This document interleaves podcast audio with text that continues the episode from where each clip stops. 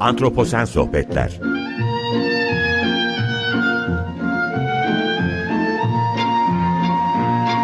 Hazırlayan ve sunan Utku Perktaş Merhaba, iyi akşamlar herkese. Antroposen Sohbetlere hoş geldiniz. Ben Utku Perktaş. Bu hafta e, kirlilik üzerine konuşacağız. Kirliliğin biyoçeşitlilik üzerine etkilerini e, bitkilerle değerlendirmeye çalışacağız. E, üç genç konuğum olacak, genç meslektaşım. E, Hacettepe Üniversitesi Biyoloji Bölümü Botanik Anabilim Dalı yüksek lisans öğrencileriyle e, bugün kısa bir sohbet yapmaya çalışacağım. E, ama sohbete geçmeden önce WWF'in e, Yaşayan Gezegen raporuna bir değinmek istiyorum. Yaşayan Gezegen raporunun 2020 yılında yayınlanmasından sonra, e, biyoçeşitlik raporunun yayınlanmasından sonra öne çıkan bir takım e, şeyler oldu. E, biz programlarda da hep ben konuklarımla konuşurken iklim değişimine, küresel ısınmaya dikkat çekmeye çalışıyordum ve her programda da e, belli ölçüde insan nüfus artışı ve bunun getirdiği dünya üzerine, yaşadığımız gezegen üzerine getirdiği yükten bahsediyordum. E, bu rapor çıktıktan sonra hani e, biyoçeşitliliği hangi faktörler tehdit ediyor diye bir sıralama yapıldığında iklim değişimi bu sıralamada aslında sonlarda yer alıyor. Çünkü iklim değişimi, küresel ısınmaya bağlı iklim değişimi şu an yoğun olarak yaşadığımız e, bir problem antroposen çağda. Henüz böyle etkisini e, artık Paris İklim Anlaşması'nı da imzaladığımız şu günlerde etkisini net görmeye başladığımız bir problem olarak e, karşımıza çıkıyor ama bunun maliyeti ne olacak? Önümüzdeki 20-30 yılda biyoçeşitlik üzerine çok daha net etkilerini, iklim değişimini göreceğiz. Ve biyoçeşitlik raporunda, bu yaşayan gezegen raporunda öne çıkan faktörler şunlar oluyordu genelde. İnsan nüfus artışı, bunun habitatları degrade etmesi, kirlilik, istilacı türler. Bunlar hani iklim değişiminden daha ön planda, avcılık tabii, e, iklim değişiminden daha ön planda yer alan faktörler olarak karşımıza çıkıyordu. Bu böyle olunca da e, kirliliğe biraz değinmek istedim. Özellikle kirliliğin çeşitli şekilleriyle karşı karşıya kalıyoruz bugün e, dünyada. E, bunlardan bir tanesi de e, ağır metal kirliliği esasında. Ve bu anlamda bugün e, boru konuşacağız. Bor elementini konuşacağız. Bor elementi metal mi, değil mi? Bu konuda da e, arkadaşlarımın fikirlerini alacağım. E, onlara sorular soracağım ve e, bor kirliliği üzerinden bitkilerle yaptıkları çalışmalarla hani biyoçeşitliliği yorumlamaya çalışacağız kendileriyle. Ben şimdi onlara bir hoş geldiniz demek istiyorum. Ee, hoş geldiniz Seda, Efe ve Ömer. Davetimi kabul ettiniz üçünüz de.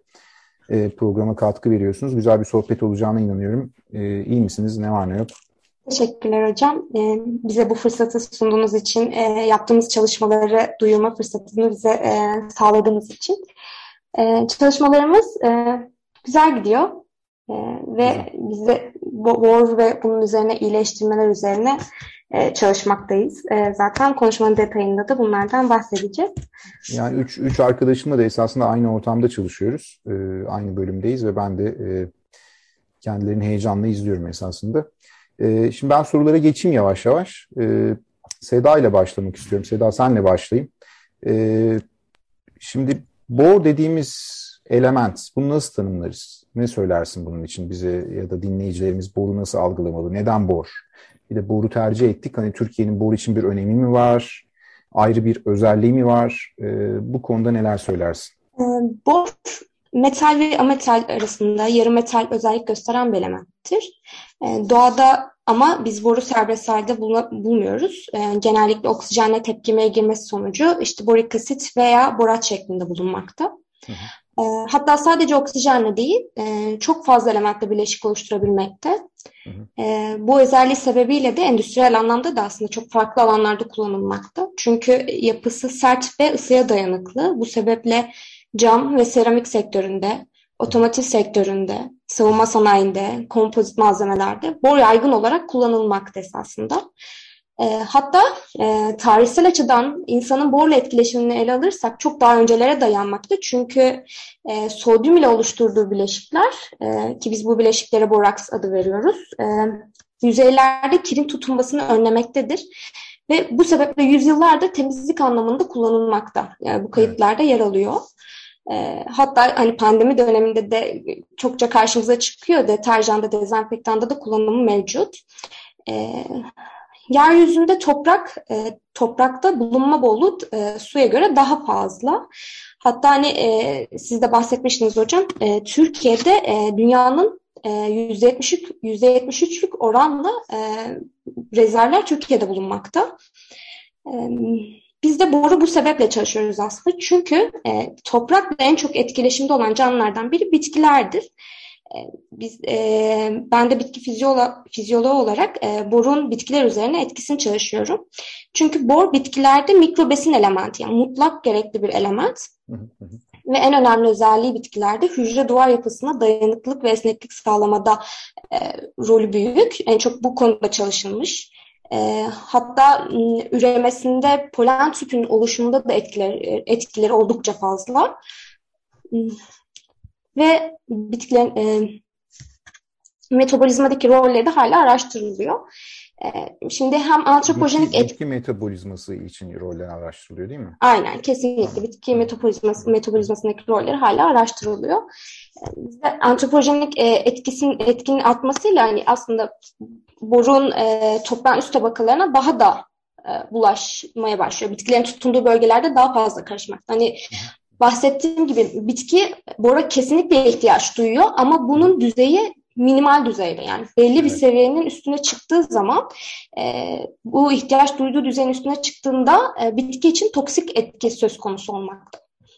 E, biz de çalışmalarımızda bu bor toksitesinde e, nasıl iyileşmeler yapabiliriz? Bunun üzerine duruyoruz daha çok. Hani toksik bora maruz kalan bitkileri nasıl iyileştirebiliriz peki, ki peki daha iyi hemen bir araya gireceğim. Toksik etki yani zehirli etkiye sebep oluyorlar. Bu genel olarak bitki biyoçeşitliliğini etkileyen bir faktör mü? Hani evet ve hayır dersen ne derdin?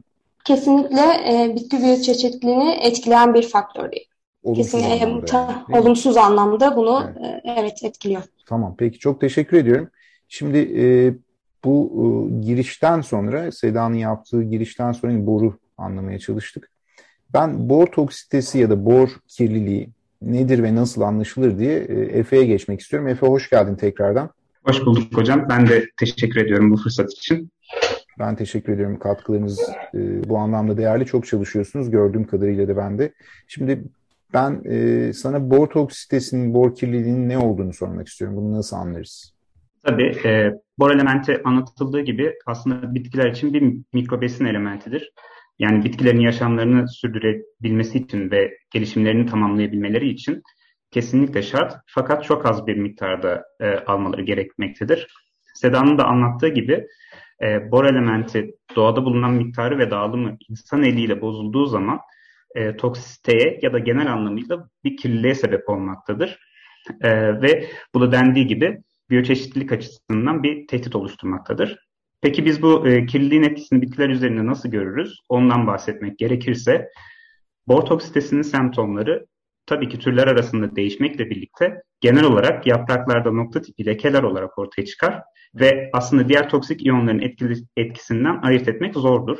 Fakat e, Seda'nın da dediği gibi e, bor elementinin hücre duvarının gelişimindeki rolü aslında e, bor toksitesinin de bir belirteci olarak kullanılabilir.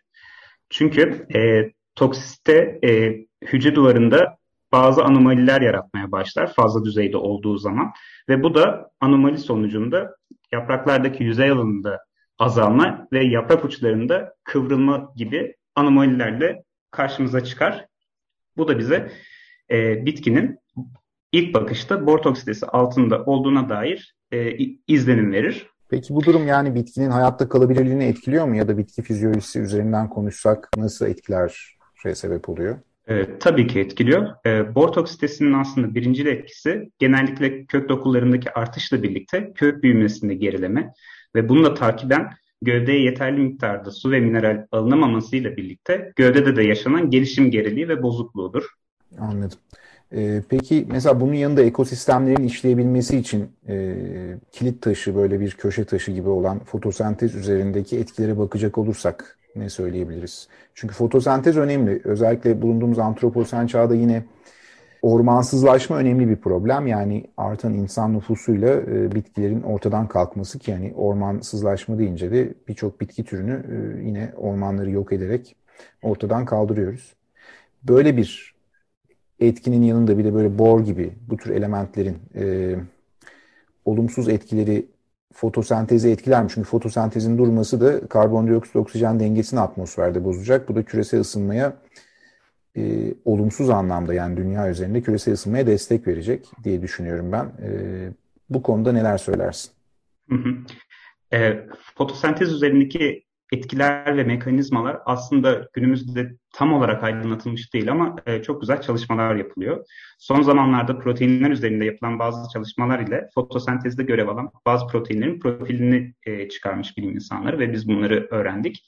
Bu araştırmalarda e, fotosentezde hem ışık hem de karbondioksit fiksasyonu reaksiyonlarında yer alan bazı proteinlerin bozulduğu ve buna bağlı olarak hücre içerisinde hidroksil, süperoksit gibi radikaller ve bunun yanında hidrojen peroksit gibi reaktif oksijen türlerinin oluşumuna e, neden olduğunu bulduk. E, peki bu reaktif oksijen türleri ne? Bunlar e, proteinlerin, nükleik asitlerin ve lipidlerin yani bitki e, metabolizmasının zarara uğratılmasını sağlayan önce hücrelerin ardından dokuların e, ve genel anlamda baktığımızda organizmanın ölümüne neden olan e, reaktif oksijen türleridir. Aslında bitkileri yani bu toksiteyle, bu zehirli etkiyle öldürüyoruz. Yani sonuçta bitki, bitki biyoçeşitliliğine bayağı bir olumsuz etki veriyoruz yani. Evet. E, görüntü, görüntü onu gösteriyor. Evet yani e, bitkilerde bizler gibi canlı sistemler olduğu için genelde zaten zincirleme tepkiler olur. E, fotosentezin bozulmasının ardından zincirleme şekilde karbonhidrat ve azot metabolizmaları da etkilenir. Hı hı. E, mesela bu kirlilikle birlikte azot metabolizmasında adı nitrat reduktaz olan çok önemli bir enzim vardır. Ve bu enzimin aktivitesinde e, düşüş görüldüğü gözlemlenmiştir. E, bu enzim proteinin yapımı için şart olan azotun topraktan alındıktan sonra bitkinin kullanabileceği forma dönüşmesini sağlayan enzimdir. Yani Anladım. çok önemli bir enzim ve bunun aktivasyonunda düşüş görüyoruz. E, ardından karbonhidrat metabolizmasında da e, kompleks şekerlerin yani bizim nişasta dediğimiz kompleks şekerlerin üretilmesini engelleyen indirgeyici şekerlerin bu bor toksitesinin artmasıyla birlikte tetiklendiğini e, biliyoruz. Peki e, başka sistemler de etkilenebilir mi bundan? E, tabii ki. Başka sistemlerde yani bu yani evet dinliyorum ben seni.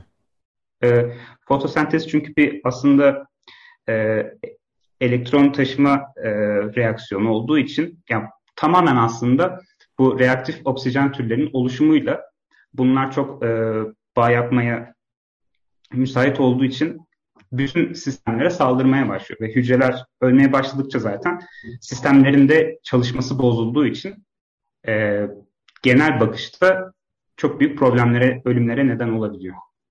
Anladım.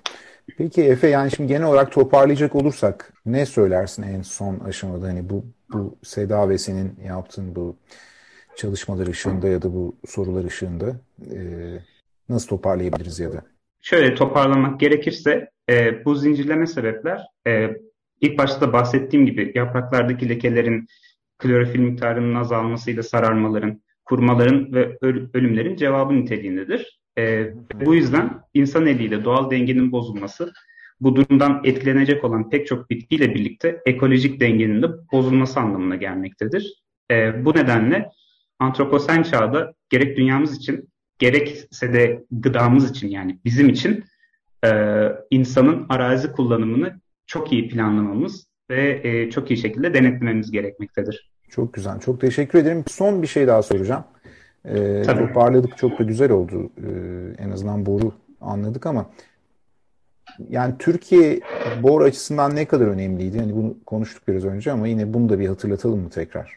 Ee, doğal bor rezervi olarak bakacak olursak e, dünyada açık ara farklı Türkiye'de doğal olarak bor çok fazla bulunuyor.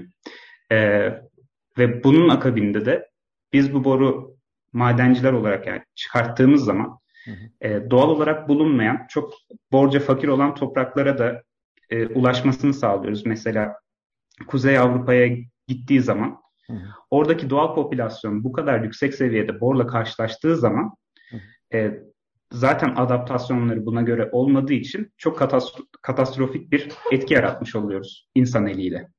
Anladım. Tamam. Peki çok teşekkür ediyorum sana bu katkılardan dolayı.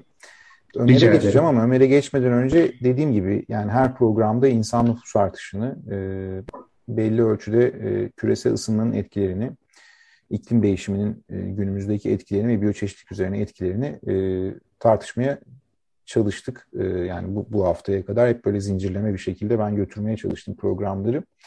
E, şu sıralar bir de küresel ısınmanın etkisiyle 2020 e, yılı aslında aşırılıklar yılı olmuştu. 2021 yılı da bunun devamı niteliğinde e, hala e, süren bir takım aşırılıklarla devam ediyor. İşte seller görüyoruz, su baskınları görüyoruz. E, Karadeniz, deniz suyu sıcaklıkları artıyor ama Karadeniz'de deniz suyu sıcaklıkları artan denizler arasında önde geliyor ve özellikle Karadeniz kıyısında ciddi seller görüyoruz. Bu sellerin ekonomik e, etkileri çok fazla. E, ne yazık ki e, ölümler de görüyoruz esasında ve bu aslında çok üzücü. E, bunlar yanında e, bir de aslında şöyle durumlar var. Hani sel baskınlarıyla e, biyoçeşitlik de belli ölçüde tabii ki zarar görüyor. Bu anlamda e, Ömer bildiğim kadarıyla e, su baskınlarını çalışıyor. Yani selleri çalışıyor. E, ve bunun bitki fizyolojisi üzerine etkilerini bitki biyoçeşitliği üzerine etkilerini yorumlamaya çalışıyor. E, şimdi ona bir söz vermek istiyorum. Ömer hoş geldin tekrardan. E, hoş buldum hocam. Seni sona bırakmış gibi olduk ama böyle bir akış yakalamaya çalıştım ben. Nasılsın? İyiyim hocam. Çok teşekkür ederim. Siz nasılsınız? Ben de iyiyim. Çok teşekkür ediyorum. Şimdi hızlı e, bu konuda sana sormak istiyorum. Yani bu seller, bitkilerin bunları adaptasyonları mümkün mü? Ya da e, senin bakış açın, senin perspektifinden sellerle, su baskınlarıyla bitkiler arasındaki ya da bitki biyoçeşitliği arasındaki e, süreci nasıl değerlendirirsin?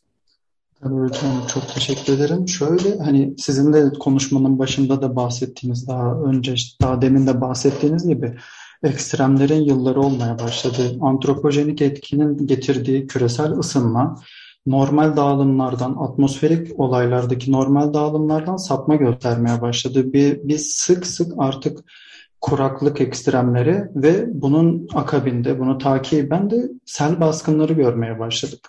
Ben de sel baskınları ilgimi çektiği için bu konuya yönelmeye başladım ki yine de sizin söylediğiniz gibi biz 2008 yılında örneklerle gitmek isterim. 2008 yılında biz çok büyük bir kuraklık yaşadık, kuraklık yılı yaşadık ve akabinde 2009'da tabii her zaman böyle olacak gibi değil. Akabinde hemen takiben gelecek gibi değil ama 2009 yılında da çok büyük sel baskınları oldu. Marmara'da, Karadeniz'de, Doğu Akdeniz'de, özellikle Marmara'da, İstanbul'da Ayana Medderes taşkını oldu ve 33 kişi hayatını kaybetmişti. Böyle insan etkileyen faktör de var. Bizim yaptığımız şey bize dönüyor aslında. Ve tabii ki ekosistemi çeşitliliği de etkiliyor, bitkileri de etkiliyor. Daha önce hiç bu kadar fazla su yoğunluğu, sel baskınıyla karşılaşmamış bitkilerde bundan nasibini alıyor. Ve buna adaptasyon gösterebilenler hayatta kalıyor ama adaptasyon gösteremeyenler de yok olup biyoçeşitliliğin azalmasına gidecek kadar kötü sonuçlar doğurabiliyor. Anladım. Şimdi senin yaptığın çalışmalarda e, nasıl bir dizayn var ya da o dizayn demeyin de ya da senin bulmayı umduğun ya da bulduğun sonuçlar, bitkilerin bu sele verdiği cevap e, ya da adaptasyon uyum güçleri nasıl? Evet hocam ben hani Fabas eden bir türle çalışıyorum. Fabas hangi grup oluyor? Hani şey e, pardon, şey hocam şey baklagillerle çalışıyorum. Baklagiller, evet. soya fasulyesiyle hatta çalışıyorum. Şöyle soya fasulyesi nispeten hani flooding'e biraz daha adaptif diyebileceğimiz bir tür oluyor. Hani yarı bat, literatürde tabii ki bu su baskınları e, terimlerle söyleyecek olursak hani aşırı sulama, waterlogging diye geçen ve flooding diye ayırıyorlar. Flooding de ikiye ayrılıyor. Tam batıklık hani bitkinin tümünün sular altında kaldığı ve yarı batıklık olarak bir de bitkinin yarısının hani toprak üstü aksan ve gövdenin bir kısmının sular altında kaldığı olmak üzere ayrılıyor. Ben daha çok flooding şey su taşkını, su baskını kısmına yöneldim. Ve çalıştığım soya fasulyesi yarı batıklıkta bir aya kadar dayanabiliyor. Literatürde de var bu. Ama tam batıklıkta tabii ki düşüyor. Hmm. 10 güne kadar çok dayanıklı çeşitleri 10 güne kadar anca dayanabiliyor. Ama onun dışında sonrasında tabii geri dönülmez şey zararlar görüyor. Anladım. Peki bunu genel olarak bitkilere genelleyecek olursan ne tür bir hı hı. genelleme yapılabilir? Fabas eden yani bu baklagillerden yola çıkarak e, ne dersin? Genel Tabii hocam. Gen, genel olarak şöyle bir toparlayabiliriz hocam. Hani bu ekstremlerin alt dışı su baskınlarının daha çok artık görülmeyen yerlerde de görülmesi birçok bitkiyi daha önce karşılaşmadığı bir abiyotik stresle evet. karşı karşıya getiriyor ve buna bitkiler hani bir iki davranış görünüyor. Bu fizyoekolojik olarak gösterdikleri iki tane davranış var. Bir kaçış davranışı bir de uyku davranışı. Evet. Kaçış davranışı olarak bitkiler daha çok işte büyümeye gidiyor. Suların üstüne çıkmaya. Hani fotosentetik aparatını, yapraklarını Hı. suyun üstünde tutarak bir yaşamsal fonksiyonlarını devam ettirmeye çalışıyor. Ama uyku halinde kalanlar e, suyun altında kalıp tamamen metabolik aktiviteyi minimuma düşürüp evet. e, suların çekilmesini bekliyorlar ve daha sonra bulundukları alanı kolonize ederek kalan son enerjilerin de metabolomların da bu alanı ayırarak e, direkt şey vermeye, üremeye, nesil vermeye, döl vermeye doğru bir davranış gösteriyor. Peki bu seller yani ciddi anlamda çeşitliliği olumsuz etkiliyor mu yoksa rejenere oluyor mu? Yani buradan benim senin söylediklerini anladım. Ee... Yani hocam şöyle yani çoğunlukla biyoçeşitliliği tabii ki olumsuz yönde etkiliyor. Çünkü hiç daha önce orada hani evrimsel olarak geldiği bölgede daha önce böyle karşılaşmamış, buna evrilmemiş bitkiler birden iklimin değişmesiyle küresel ısınmanın getirdiği olaylar çerçevesinde ekstremlerin artışıyla birden su baskınlarıyla maruz kalıyor. Hani buzulların da erimesi tabii sisteme bir su girişi oluyor. Hani olası iklim senaryolarında şey de söylüyor bilim insanları 80 yıl içinde Marmara ve Trakya'da su seviyesinin 100 metre rakım olarak artacağı da konuşuluyor. Evet, evet. Hani en ağır senaryolarda tabii bu. Ve bu da hani bitkilerin orada evrimleşmiş, oradaki habitata uygun bitkilerin daha önce karşılaşmadığı bir stresle karşılaşmasına yol açar ve bu da onların adapte olacak, onların cevap verecek genlerin belki de aktive olmaması ya da aktive edememesi sonucu hani o türün kaybına, biyoçeşitliliğin kaybına kadar gidecek bir zincirleme reaksiyonu tetikler. Peki çok teşekkür ediyorum Ömer bu güzel bilgiler için. Ben teşekkür ee, ederim. Arkadaşlar teşekkür, teşekkür ediyorum. Sonuçta antroposen çağ, insan çağı 6. yok oluşa da e, refere ediliyor hep. Bundan da bahsettik. Dolayısıyla hani bu yok oluş çağında farklı faktörlerle biyoçeşitliliği aslında tehdit altına sokuyoruz. İşte kirlilik, iklim değişiminin getirdiği, küresel ısınmanın getirdiği farklı fiziksel yükler diyeyim. Hani bu sellerde buna tekabül ediyor. E, dolayısıyla hani bunları biyolojik anlamda da mekanizmalarıyla anlamak önemli olduğunu düşünüyorum.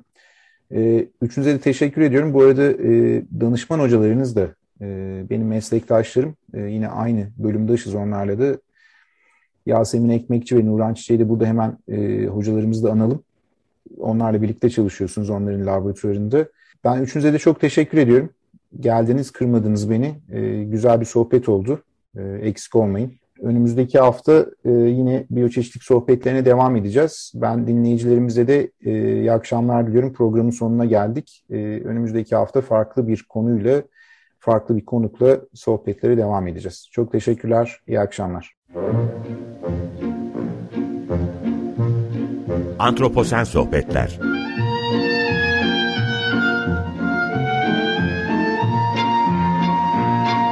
Hazırlayan ve sunan Utku Perktaş